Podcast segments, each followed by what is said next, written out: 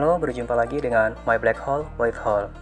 Dalam pembahasan kali ini kita membahas tentang dasar-dasar pendidikan dan ini adalah bagian keempat. Kita membahas tentang jenis-jenis budi pekerti.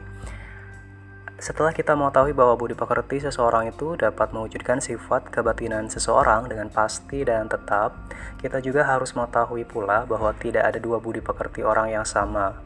Jadi sama keadaannya dengan roman muka manusia, tidak ada dua orang yang sama. Meskipun orang dapat membedakan budi pekerti manusia menjadi beberapa macam atau jenis, sehingga orang dapat mempunyai iktisar tentang garis-garis atau sifat-sifat watak orang secara umum. Pembagian budi pekerti menjadi beberapa jenis tersebut berdasarkan pada sifat angan-angan, sidat perasaan, dan sidat kemauan analistis ya.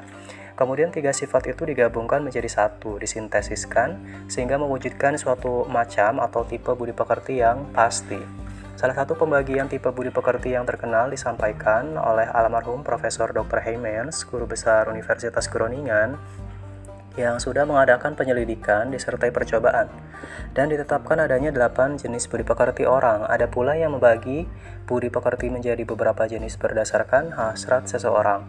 Jadi bukan pembagian analitis akan tetapi pembagian secara global dan etis. Etis di sini artinya menurut rasa adab. Adapun Profesor Sprenger membagi budi pekerti menjadi enam jenis, yakni bersandar pada hasrat orang pada pertama kekuasaan, yang kedua agama, yang ketiga keindahan, yang keempat kegunaan atau faedah, kelima pengetahuan atau kenyataan, dan keenam menolong, menermakan atau mengabdi. Selain dua macam pembagian tersebut, terdapat pula teori-teori tentang jenis-jenis budi pekerti yang lain. Misalnya, menghubungkan sifat jasmani seseorang dengan watak orang tersebut. Ini oleh Profesor Krasner, seperti ilmu firasat dalam ima dari Imam Syafi'i tentunya. Kemudian terdapat pula pendapat yang mengukur budi pekerti orang dengan melihat cara seseorang memandang dirinya sendiri sebagai pusat pemandangan atau sebaliknya. Sebagai sebagian saja dari alam yang besar ini. Itu oleh Adler atau Kunkel.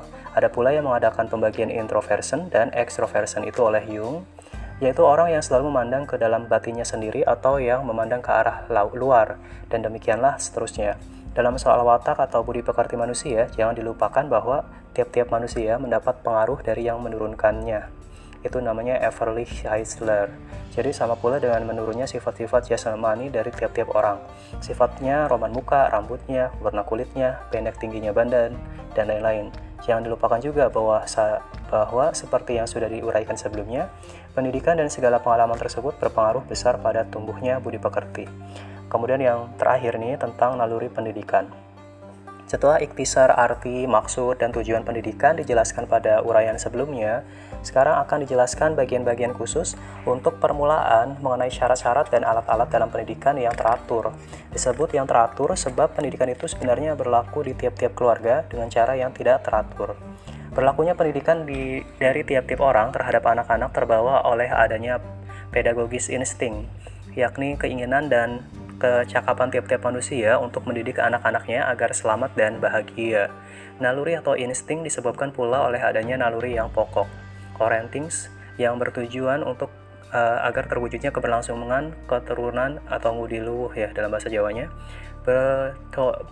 Behot van de Soort itu bahasa Belandanya. Pendidikan yang dilakukan oleh setiap orang terhadap anak-anaknya pada umumnya hanya berdasarkan pada cara kebiasaan, tradisi atau slur, dan sering kali dipengaruhi oleh perasaan yang berganti-ganti dari si pendidik, dan kata lain tidak dengan keinsyafan dan tidak tetap. Jika terdapat keinsyafan, maka keinsyafan itu hanya berdasar atas perkiraan atau rabaan, rabaan belaka, yakni tidak berdasarkan pengetahuan, andai kata ada dasar pengetahuan yang berasal dari pengalaman, sehingga hal tersebut berarti kurang luar.